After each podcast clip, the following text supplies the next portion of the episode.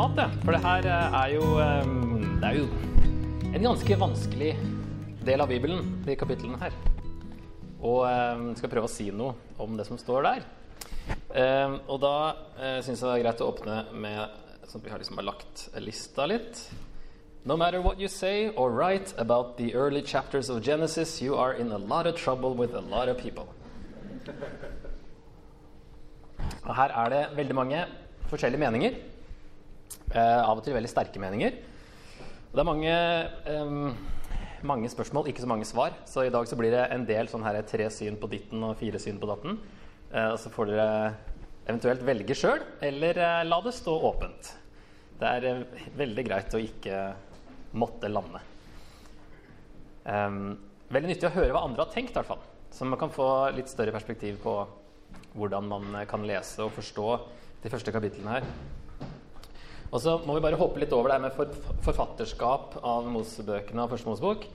Um, har ikke tid til å ta nå, men um, tradisjonelt så er det at uh, Moses skrev uh, det meste. Um, ellers er det jo da Altså fordi også i Nytestamentet så henviser de til Mosebøkene bare som Moses. Og det er jo tydelig fra andre Mosebok når Moses er med sjøl. Så kan liksom Moses ha sagt, og Moses uh, gjorde det og sånne ting.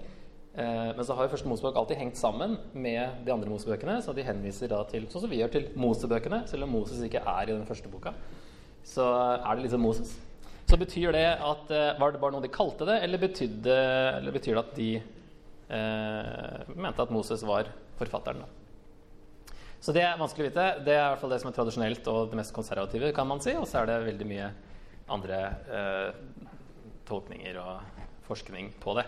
Det viktigste er at eh, man kan kalle det for Guds ord likevel. Og eh, han som nå skriver, eh, hvem det nå er, er ikke så opptatt av å snakke om seg sjøl og, si, signere verket sitt, men heller å fortelle Guds historie. Da. Så det blir det lille vi sier om forfatterskap. Um, så må du ha en sånn struktur av boka, fordi vi skal se på den første delen her, som er um, Gud og verden, før det dreier seg om Gud og Abrahams familie etter det. Så De første elleve kapitlene da går Altså det er fem Hvis vi ser på innledningen her, så er det altså, fem, altså en eh, prolog først, som er skapelsesberetningen. Og så eh, virker det som at eh, denne forfatteren har delt inn i ti deler etter det, etter sånne slektshistorier. Um, som er et ord som Det er faktisk ordet 'genesis', da, som det heter på engelsk og, og gresk osv. Uh, det er egentlig ikke ordet Altså, det betyr jo begynnelse, blant annet. Men det er ikke det ordet som står i første verset når vi ser på den greske oversettelsen av Første Mosebok. I begynnelsen skapte Gud. Der er det et annet ord. Så det er ikke den genesisen som boka er oppkalt etter. Men alle disse ti genesisene her, for ordet for slektshistorie, oversettes til genesis. Um, har med, med ja, altså Det er en oversettelse av et hebraisk ord som er toledot. Kanskje vi kommer tilbake til det senere, men nå vet dere det. Uh, som da er en sånn uh, slektshistorie som han har uh, samla ti sånne. Uh, og lagd, altså Det er en sammenhengende historie, men det er liksom inndelinga som jeg prøvde å holde meg litt til. da. Uh, ja, så uh, Genesis-ordet kan også bety fødsel, så der har vi slektsdelen inne. Um, så vi skal se litt på de overskriftene uh, når vi går utover i boka. men for å koble det litt mer sammen, der har vi sett på tidligere, de som har vært på Utforsk før, hvordan Abraham her kalles i begynnelsen av kapittel 12, der det dreier seg om det zoomes inn på Abraham, og så handler det om hans familie etter det. Og det er liksom linken da, mellom del 1 og del 2. Gud og verden og Gud og Abrahams familie. Så den første delen her den eh, svarer da på spørsmål som hvorfor måtte Abraham utvelges? Og hvilken gud var det som gjorde dette? Og hvordan passer Abraham inn i verdenshistorien? Og da kanskje først og fremst deres verden, den de kjente til. da. så er jo det Før vi kommer til Abraham, så er det veldig vanskelig å tidfeste ting. Eh, vi har noen tall i kapitlene her som det er forskjellig syn på hvordan de skal forstås. Eh, og så er det ikke før vi kommer til Abraham at det går an liksom å, å, henge det litt på andre knagger da, fra ting vi vet fra andre kilder. For det er ikke så mange kilder på de første, eller parallelle kilder da, til de første kapitlene. Vi har noen få som vi skal se på etterpå, og se hva vi kan få ut av det. Så eh, del én av boka da er jo da eh, disse elleve kapitlene. Og da er det store spørsmålet hva slags sjanger er det? Fordi det er jo en litt annen sjanger, får vi i hvert fall følelsen av, før vi kommer til Abraham. Samtidig som at det ikke er noe helt nytt som skjer når Abraham kommer. når vi kommer til del 2. Det glir veldig sømløst inn i det vi kaller for del to. Da. Men likevel så er det liksom Det er noe spesielt, eh, får vi litt inntrykk av, i de første elleve kapitlene. Det kalles ofte urhistorien. da. Um, så det er liksom, ok, det henger sammen med resten. Det er en del av eh, Første Mosebok. Aldri vært en egen del. Så, men så er det likevel noe litt sånn annerledes. Og da er det, jo, det er jo historie, men i Bibelen så er det snakk om teologisk historie. Og det er jo ikke altså uansett, Det så vi på forrige gang vi snakka om Bibelens troverdighet her, at det, ingen historieskriving er eh, objektiv. Og heller ikke eh, Altså helt objektiv er det jo ingen som er. Fordi det skrives av mennesker, og mennesker er ikke helt objektive. Og teologisk historie er jo det man skriver i Bibelen, fordi det er like viktig tolkningen, de teologiske tolkningene av det som skjedde, er like viktig som selve hendelsene. Men det, er, det fremstilles som eh, at det er sant, at det har skjedd, men så tolkes det. Og av og til så settes kronologien til side fordi teologien er viktigere. At et poeng som skal fram, som gjør at kronologien eh, hopper litt. Da.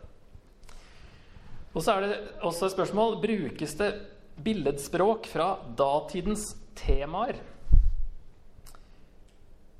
Um, noen tror at Israel har, at de har lånt andre folks myter og mytologi og lagd det til sin egen mytologi. Uh, det trenger ikke å være en felles mytologi, men en felles, kanskje en felles tendens til å tenke med de samme bildene og de samme temaene, bruke samme ord og uttrykk. Så vi skal se at det er noen paralleller til noen andre gamle skrifter. Så det er kanskje, altså kan si det er, det er virkelige hendelser, men kanskje ikke en bokstavelig beskrivelse av det som skjedde. Men at det er kanskje bilder med temaer fra kultur og religion på den tiden. Som vi straks kommer til når det var. Men de andre kildene vi har å sammenligne med, da, er jo noen som dere kanskje har hørt om. Eh, en sumerisk kongeliste. Og så er det et eh, epos som heter Atrahasis-eposet. Eridu Genesis. Det er en, eh, en, en annen skapelsesberetning. Eh, en sumerisk skapelsesberetning. Den atrahasis er eh, babylonsk. Um, og så er det første Mosbok 1-11. De har alle ganske lik struktur. At det begynner med um, skapelse, eller at skapelsen allerede har skjedd når skriftet begynner. Og så kommer det noe slektsoppramsing. Uh, du ser de første så er det åtte konger. Um, og vi har noen uh, uh, i kapittel fire og fem spesielt da i den første oppramsinga i første Mosebok. Så kommer flommen. Den er med i alle sammen. Og så er det mer slektstavler. Og så kommer han fram til det som da er moderne tid. Dvs. Si Abraham. det var det som var poenget. Nå begynner liksom egentlig historien. Men så var det sånn vanlig å starte med en, sånn her, en spoling fram. Hva har skjedd til nå? Fra skapelsen fram til nå? Jo, det var uh, skapelse. Eh, og så masse generasjoner. Flom, masse generasjoner. Og så er vi her. Så flommen får stor plass i eh, Første Mosebok også. Alle de her er gamle. De er fra 1700-tallet eller eh, ca. 1600, så, altså før Kristus. Som eh, er et argument for at de kapitlene her i Første Mosebok òg er skrevet, um, er, er, veldig gamle. da. Og um, alle de her kommer fra det området Abraham kom fra. Så det kan være en sammenheng der med at han uh, tok med seg noen eh, tradisjoner for dette her. En litt nærmere sammenligning mellom denne kongelista fra Sumer og Første Mosebok, så ser man da at det er kongelister og eh, de har vismenn i den sumeriske, mens i Første Mosebok er det eh, de hovedslekta, altså Adam og nedover, og så er det de som er så, såkalt skillmenn, som er en annen parallell. da, at det, Ved siden av liksom, hovedslektslinja så har du da enten vismenn eller eller um, håndverkere. Da, de som oppfant forskjellige typer håndverk. Så det er noen paralleller. Det viktigste, viktigste, er den strukturen da, med at det går det er skapelse, slektstavle, flom, slektstavle. Og så er vi der vi skal være. liksom, når historien begynner. Så argumentet for den tidlige dateringen, bare for å ta det, eh, så er da som sagt denne strukturen er karakteristisk før 1600 før Kristus. Vi leser om en storflom i andre skrifter fra det 18. og 17. århundre før Kristus. Og hvordan språk oppsto, som vi har i kapittel 11 i Bibelen, da, nevnes også i et sumerisk skrift fra 19. og 18. århundre før Kristus om en konge som levde ca. 2600 før Kristus. Så det er jo en gammel parallell der. Kileskriften, det er dette bildet. Hvis du lurte på hva kileskrift er, så er det sånne vinkler som man uh, trykka inn i leire.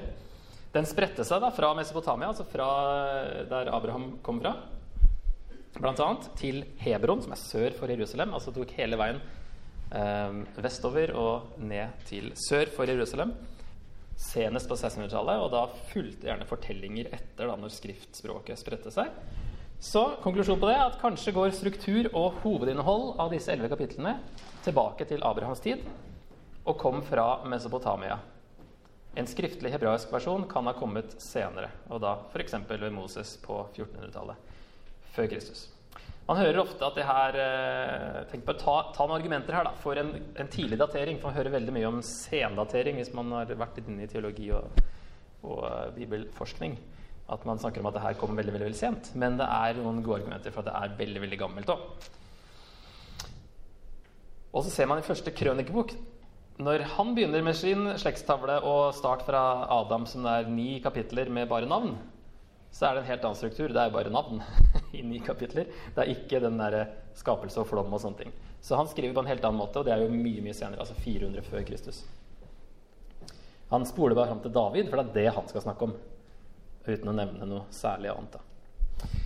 Ok, Da skal vi begynne å bryne oss på første kapittelet. Som da eh, sånn cirka kan vi si kapittel 1, men det går jo som dere ser litt inn i kapittel 2. Og er da en slags prolog til hele, hele Bibelen. Og de elleve kapitlene her er jo en innledning til hele bibelhistorien. Det er en innledning til Abraham, og det er jo der hele historien starter, som vi har sett på i januar, var det vel. Så hva slags sjanger er første kapittelet? For det er jo en prolog litt annerledes enn resten. Litt sånn at uh, Johannes 1 er annerledes enn resten av Johannes evangeliet. Um, er det en vitenskapelig tekst? For det er jo man ofte frista til å tro. Den bruker jo ikke noe vitenskapelig språk. Og da blir det jo litt eh, problematisk. Er det da vitenskap den har til hensikt å formidle? Eller er det en narrativ, altså en fortelling? Og vil det da si historie, som ellers i Bibelen, stort sett? Og vil det da si bokstavelig? Eh, den har typiske trekk av en sånn fortellende tekst. Sånne uttrykk som 'og Gud sa', 'og det ble', 'og Gud kalte' brukes 55 ganger og er typisk for bibelske narrativer, sånne fortellinger.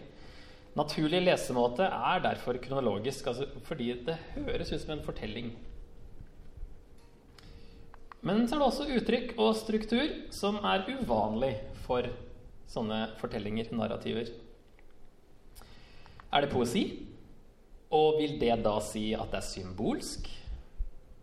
Altså den er poetisk, helt klart, men har ingen eh, parallellismer, som er det mest eh, vanligste trekket for poetiske tekster i Bibelen, er at linjene rimer på hverandre. Altså ikke lyd, men i innhold. At to, to og to linjer, ofte flere, eh, sier egentlig det samme. Det finner vi ikke her. Derfor er det liksom ikke en typisk bibelsk poetisk tekst heller. Er det en oldtidskosmologi? Og vil det da si at det er en mytisk tekst, altså at det er mytologi? Det er kanskje de fire vanligste måtene å se det på. Men det er vanskelig å uh, pin down hva slags uh, uh, sjanger det er, sånn at man har prøvd å formulere det. Noen har gjort det. Edward Young sier at det er en fortellende tekst med opphøyd halvpoetisk språk. Så du drar inn litt sånn opphøyd språk. Halvpoetisk, men fortellende tekst. sånn i utgangspunktet. En uvanlig fortellende tekst pga. den ve veldig strukturerte måten å si det på. Opphøyd prosanarrativ. Hensikten er kvasiliturgisk. det er vanskelig, det her. Ja, jeg hadde ikke fått det fram. Der står den. Um, eller en sammensatt sjanger. Som uh, en tredje mulighet, da. Og det er sikkert flere. Men uh, det gjør det litt vanskelig, og derfor har vi fem tolkninger. Og de tar vi bare raskt uh, nå. Jeg har, hadde en utforsk her for noen år siden da vi holdt på med to, i to timer med disse fem tolkningene. Så hvis du er veldig interessert, så, så fins den på nett i opptak. Og på og presentasjonen også, da, mer fyldig. Første er denne kanskje mest kjente, at dagene er seks 24-timers døgn i en bokstavelig uke. Det hevdes å være den mest naturlige lesemåten. Men allerede i Oldkirken, 200-tallet, rundt der, så Det er ikke sånn at man hele tida har tolka det som seks 24-timers døgn fram til vitenskapen sa noe annet. For allerede i Oldkirken så, så sa man jo at uh, skapelsen kunne ikke finne, finne, sted i tid i det hele tatt. Var det noen som het det? Uh, Origenes, en av kirkefedrene, han, uh, de var liksom litt sånn eh, kraftige i uttrykkene sine da, eh, den gangen. Så unnskyld det her hvis det er noen som holder seg til denne tolkningen av første kapittelet. Så sier han Origenes på 200-tallet da Hvilket intelligent menneske kan tro at den første, den andre og den tredje dagen eksisterte uten sola, månen og stjernene? Det tenkte man jo allerede da. ikke sant? Sola kommer på dag fire. Og da må man eh, jo regne dagene på en annen måte enn med sola, som vi gjør nå. Er det da vanlige dager? Augustin, 415 etter Kristus, sa at uh, det kan ikke være en vanlig dag, siden vår dag er basert på sola. Og han trodde òg at skapelsen skjedde på et øyeblikk. Det er flere som gjorde det. Så det er i hvert fall greit å vite. At det er ikke noe som man hele tida har trodd, og så har man begynt å liksom fire litt på det fordi vitenskapen har kommet med et annet bilde. Eh, tolkning to. Dagene er lange perioder. Det mente man òg noen i andre århundre. Justin Martyr og Ireneus, f.eks., to sånne kirkefedre. Og de brukte salme 90, eh, vers 4, og 2. Peter 3,8, der det står at eh, 1000 år er som én dag for Gud. Så tenker man at ok, én dag her kan være tusenvis av år. En variant av den er at dagene er 24 timers døgn med lange perioder mellom hver dag. Da får du liksom beholdt eh, de vanlige døgnene, men så har de lange perioder imellom. John Lennox mener jeg uh, holder seg til den. Han er jo ganske mye mer moderne da, enn de andre som er nevnt så langt. Men, men i hvert fall en jeg vet som jeg tror I hvert fall gjorde han det i en bok, virka det som. Om han ikke har endra syn. Um, og så er det noe som heter rammeverkssynet. Det er ikke sikkert dere har hørt så mye om. Um, da går man liksom litt utover det her eh, bokstavelige og egentlig trekker ikke inn vitenskap noe særlig i det hele tatt. Um, og da er denne sjudagersstrukturen en litterær ramme. Dagene presenteres som vanlige dager, men det betyr ikke dermed en bokstavelig uke. En litterær struktur der dagene er som bilderammer, hvor skapelsen fortelles tematisk og ikke kronologisk. Og Noe lignende ser vi allerede hos en som het Filon i første århundre, og Augustin, da, som begge to snakka om ordning og arrangering. Eh, og Her er en sånn oversikt over den. At eh, dag 1, 2 og 3 eh, står som paralleller. Altså dag 1 og dag 4 er paralleller. Gud skaper lys på dag 1, og så skaper han det som skal lyse på dag 4. Sol, måne og stjerner osv. Så, videre. så han først kommer med formen. Når jorda var øde og tom, så er det først at den ikke skal være øde. Eller han lager ting, og så gir han fyller det med ting. Eh, altså Han eh, skaper da himmel og hav, som dere ser, og så fyller han himmel og hav med fugler og fisker på den dagen som da korresponderer. 1 og 4, 2 og 5 og 3 og 6.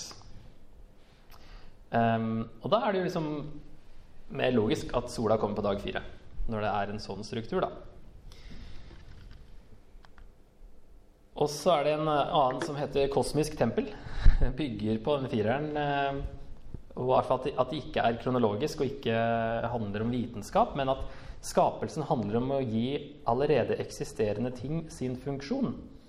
Ikke at de blir til, men at de får en funksjon. At det er en forskjell der, da. Og at universet er et kosmisk tempel for Gud, og da blir dag sju den viktigste dagen, egentlig, for da kommer Gud og setter seg på tronen og regjerer. John Walton, altså en uh, nålevende, som uh, mener dette her.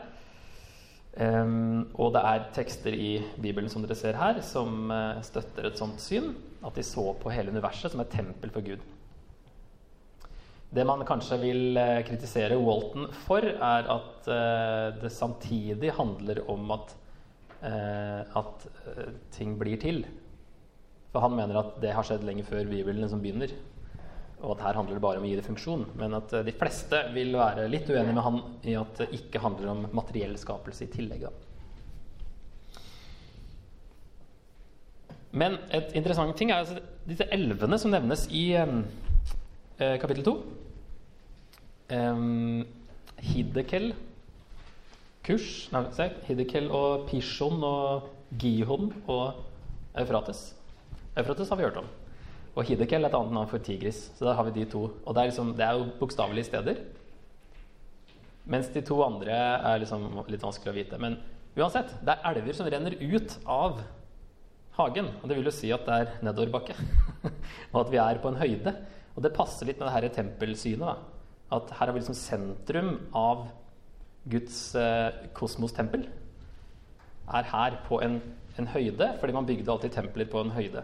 Så her har vi en hage på et fjell som på en måte er et slags tempel, eller sentrum av det kosmiske tempelet.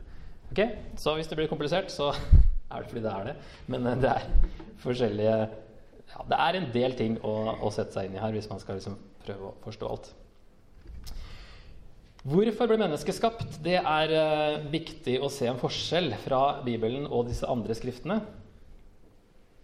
Um, Enuma Elish, som er en babylonsk skapelsesfortelling. Der skapes mennesket som en epilog for å bringe gudene mat. Altså sånne ekstra ting. Så var sånn for de skulle tjene gudene og hente mat til gudene. Mens i Bibelen så er mennesket kronen på verket, som Gud bringer mat. Sier at det her, her skal til mat for dere. Så det er en stor forskjell. Og i dette Atrahasis-eposet så ble mennesket skapt for å ta over arbeidet til de lavere gudene og bygge kanaler. Mens i Bibelen så er det for å bli mange og råde. Så igjen er det en ganske annen grunn til at mennesket skapes. Så det, Man tenker at det kanskje ligger en litt sånn her polemikk her. da, At Bibelen vil komme med et annet bilde enn det man var vant til å høre i den kulturen. Annet, eh, andre sannheter om mennesket og om verden og om hvilken gud som har skapt det. Og så ble mennesket skapt i Guds bilde. Og bakgrunnen der er at konger satte opp bilder av seg selv for å minne om hvem som bestemte. Og gudebilder ble sett på som guddommelige, jordiske versjoner av gudene. Og disse gudebildene ble plassert i templer for, å formidle gudenes nærvær. Så det er det at Menneskene er Guds representanter, og alle mennesker er Guds representanter. Ikke bare kongen, som ofte var det man tenkte kongen er guddommelig eller halvgud. eller et annet. Men her i Bibelen så er alle mennesker i Guds bilde, alle mennesker er Guds representanter på jorda med forvalteransvar, og da ikke bare kongene. Og så ligner vi også Gud på mange måter. Det står jo da en parallell her med skapte Guds bilde, så de ligner oss, sier Gud. Um, så vi ligner Gud på måter som Det gir iallfall svar på, da. Eh, ting som eh, mentale og åndelige kapasiteter. Vår selvbevissthet, intelligens, kreativitet, moral osv. Det gir et svar på hvorfor at vi har personlighet.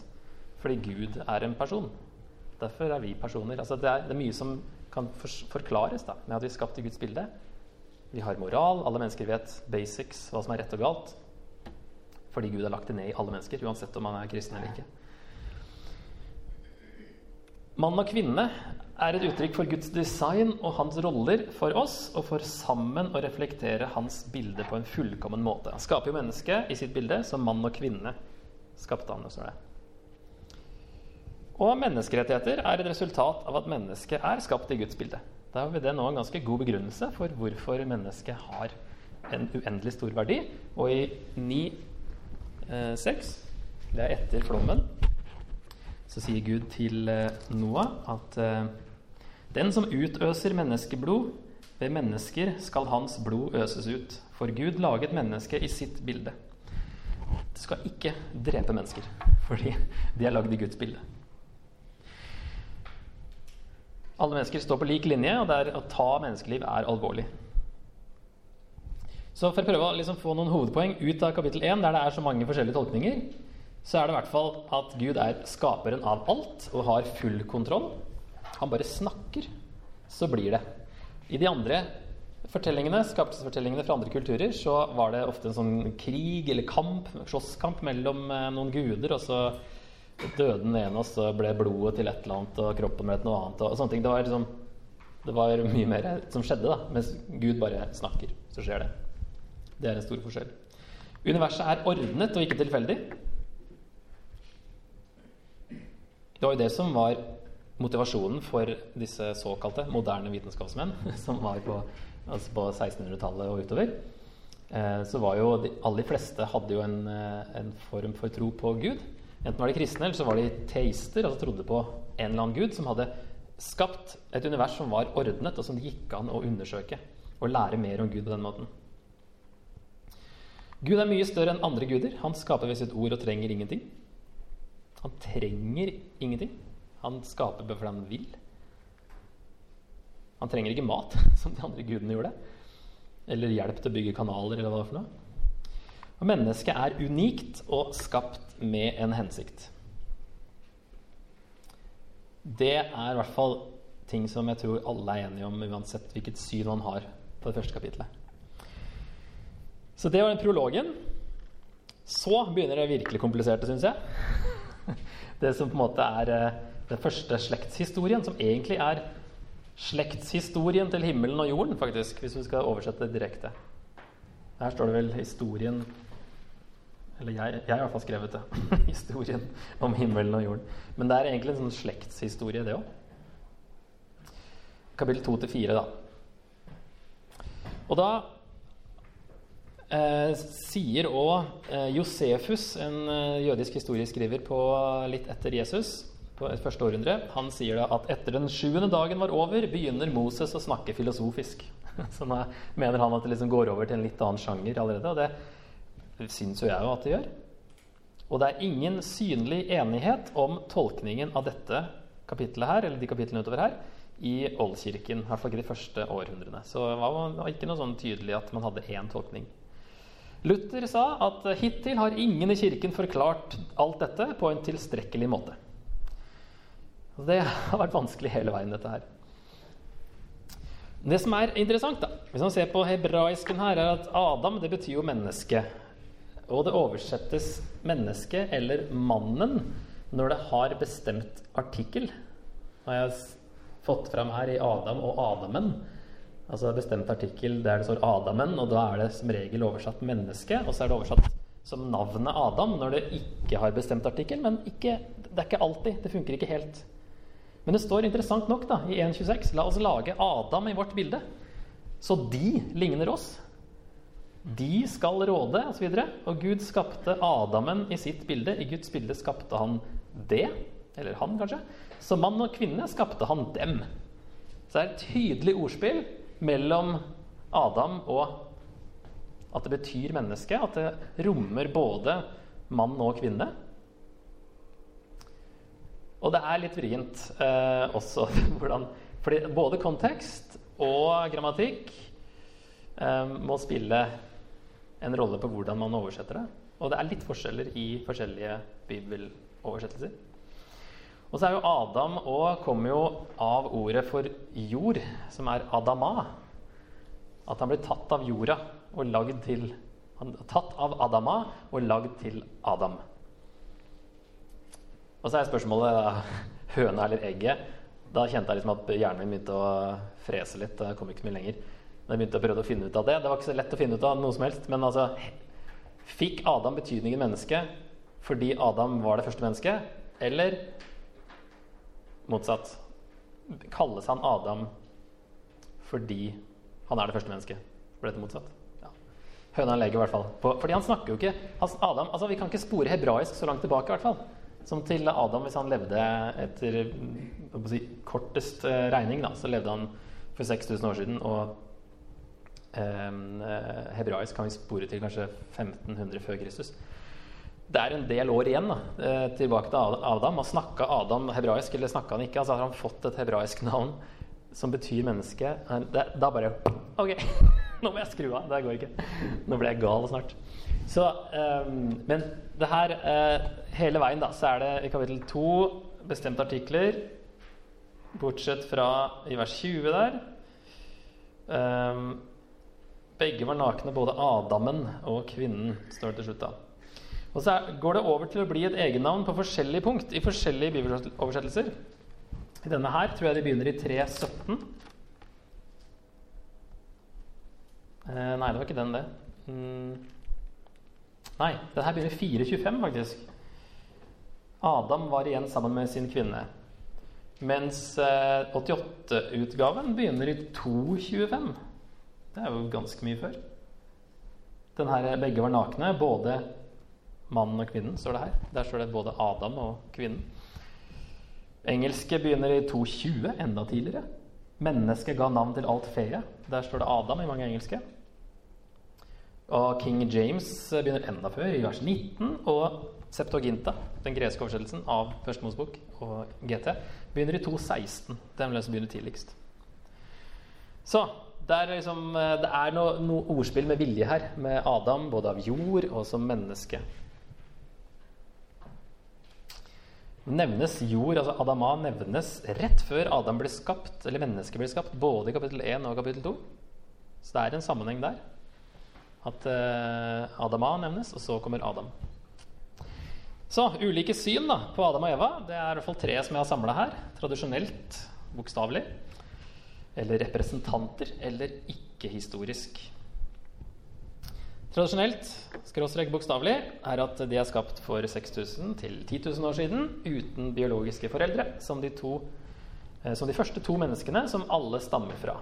Hendelsene var bokstavelige og historiske. Innvendinger mot det er fra teksten selv. Jeg lurer på hvem var Kain redd for når han sier at eh, i dag driver du meg bort fra landet, jeg må skjule meg for deg. Fredløs og flyktning blir jeg på jorden, og den som finner meg, kan drepe meg. Han har drept Abel, og Seth er ikke født ennå, virker det som.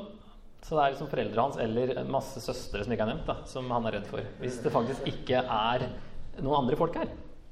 Faktisk. Så jeg har liksom lurt på om vi har vært litt for opptatt av å beskytte den teksten her fra å, å liksom uh, si at det fantes andre mennesker. Han er ikke så opptatt av det han som skriver. og være, Han er ikke redd for at vi skal tro det. i hvert fall. Um, det står i vers 16 at um, så dro Kain bort fra, landet, nei, fra, fra, Herren og slo seg ned i landet Nod, øst for Eden. Det var et land der som hadde et navn. Eller fikk det et navn da, eller hva er greia der? Hvem var Kains kone? Den er jo en klassiker. Enten en søster, som må ha vært greit den gangen, eller uh, så var det en annen utafor hagen. Og bygde han en by for bare tre personer, da, i vers eh, 17. Var sammen med sin kvinne. Hun ble ved barn og fødte Henok. Så bygde han en by og ga den navn etter sin sønn Henok. Nå er ikke de byene den gangen så veldig store, men eh, det høres ut som det er flere likevel. da, Man bygger en by. Så det er liksom problemer i teksten um, uh, allerede. Og Hvis vi ser litt større på det, så handler de elleve kapitlene her om hele verden, menneskeheten generelt, som vi så i begynnelsen. Beskriver da ikke disse kapitlene her noe som er sant for alle, slik at, uansett, at de uansett er representanter på en måte. Er det ikke derfor de heter menneske og liv? Fordi Eva betyr liv. Så de har liksom symbolske navn begge to. Da. Menneske og liv. Og så sier vitenskapen at mennesket er 200 000 år gammelt. Og genforskningen antyder at menneskeheten i dag ikke kom fra to individer. Så derfor er jo noen da blitt enda mer skeptisk til en sånn tolkning. Men det er viktig å få frem at det er problemer i teksten allerede. Da. Det er ikke at vitenskapen styrer det her heller. Det har hele veien vært liksom, hvem var kona til Kain? Eh, det har vært et eh, spørsmål. Nummer to at det var representanter. Nå ser dere av bildet her hva som da det går an å koble det sammen med. Eh, Adam og Eva, altså menneske og liv, var historiske personer som representerer alle mennesker som i Romerne 5 og 1. Korinter 15 der Paulus snakker om Adam som en som har noe å si for alle mennesker. Da.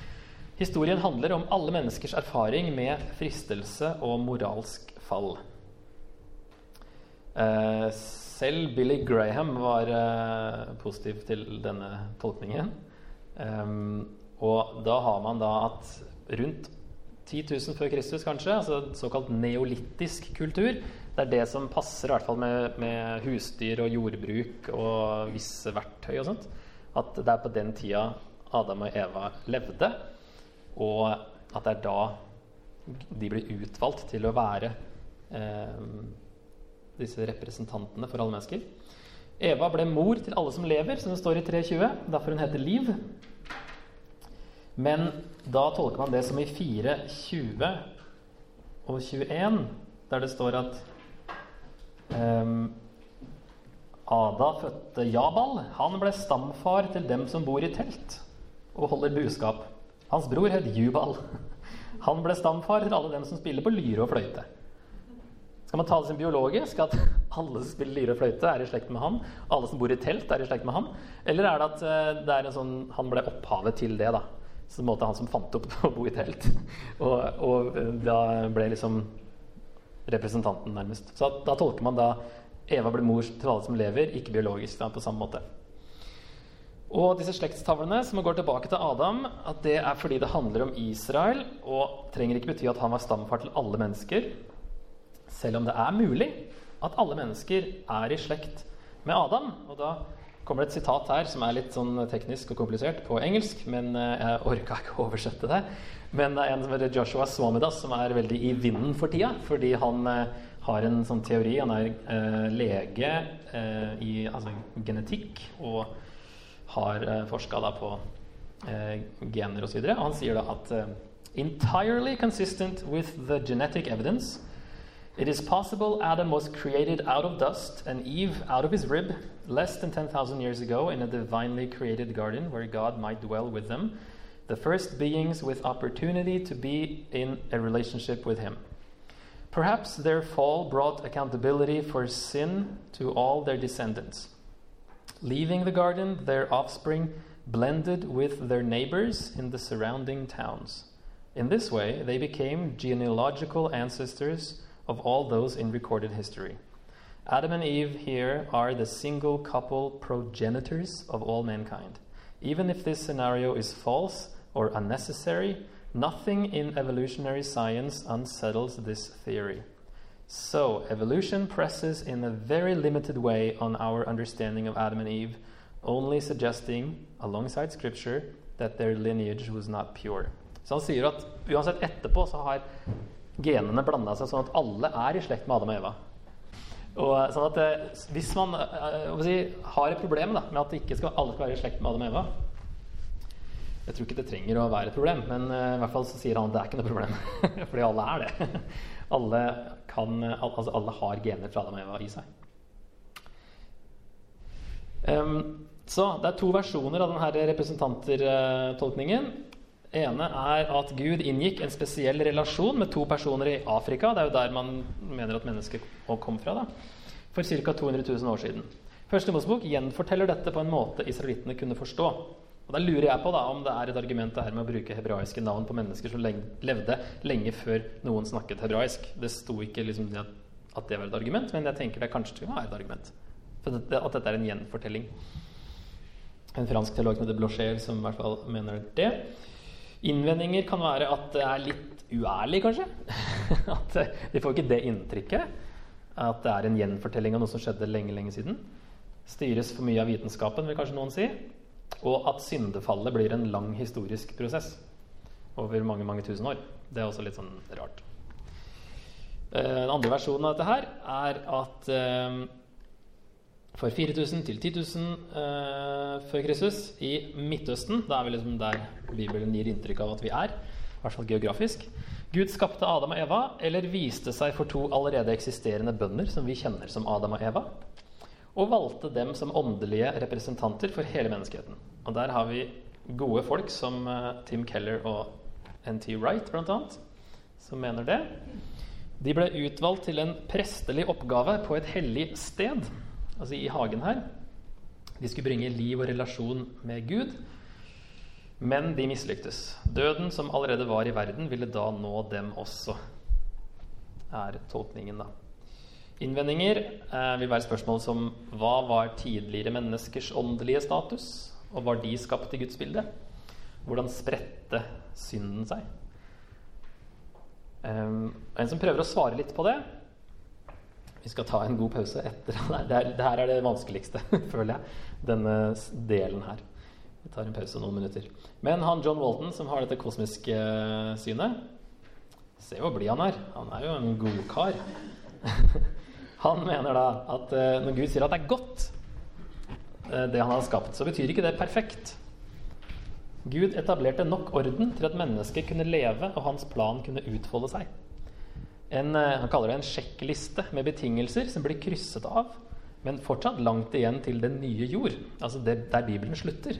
At det er veldig interessant, syns jeg, fordi da er egentlig den nye jord hele veien Guds hensikt. Ikke at han skapte Edens hage, og så gikk det skikkelig i dass, og så må han finne på en ny plan.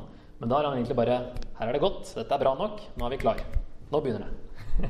Men målet er egentlig den nye jord. Det var en veldig interessant tanke. Mennesker før eller utenfor eden gjorde syndige handlinger, men ble ikke holdt ansvarlige pga. ingen åpenbaring. Altså, de hadde ikke fått vite at det var synd. Derfor eh, fikk ikke de liksom ble ikke holdt ansvarlig for det, men at det skjedde ting som vi ville kalle for synd da, allerede, mener han. Hvis kapittel 2 fortsetter fra kapittel 1 Det er også en så interessant ting. for han sier jo, eller I 2.4 så er det jo 'dette er historien om himmelen og jorden'. ikke sant? Dette er slektshistorien. Og det dette toledot-ordet det går alltid videre. Um, vi har valgt å tenke kanskje at kapittel 2 da zoomes det inn på dag 6, da mennesket ble skapt. At det går tilbake igjen til dag 6. Men uh, Walton mener at uh, nei, det går egentlig alltid framover. Det henter opp litt fra det forrige for å koble det sammen, men det går alltid videre. Så han mener at det fortsetter i kapittel 2. Og da trenger ikke menneskene i kapittel 1 være Adam og Eva. Da kan de være skapt lenge før. Og så kommer Adam og Eva i kapittel 2. Hvis det er kronologisk, da, ikke at det går tilbake og zoomes inn igjen. Da kan det være andre mennesker utenfor hagen som er skapt i Guds bilde, men som ikke var valgt ut til å være sånne representanter. da. Og allerede en eh, franskmann, ser det ut som, La Peyrer, eh, 1500-1600-tallet, som eh, mente det. Så det er også et ganske gammelt syn. da. Og Paulus kaller Adam det første mennesket, men kaller Jesus det andre mennesket og den siste Adam i 1. Korinterbrev 15. Så han mener det jo teologisk, ikke bokstavelig, er det tolkningen. Adam kan være første menneske på samme måte som at Jesus er det andre mennesket. Ikke sant?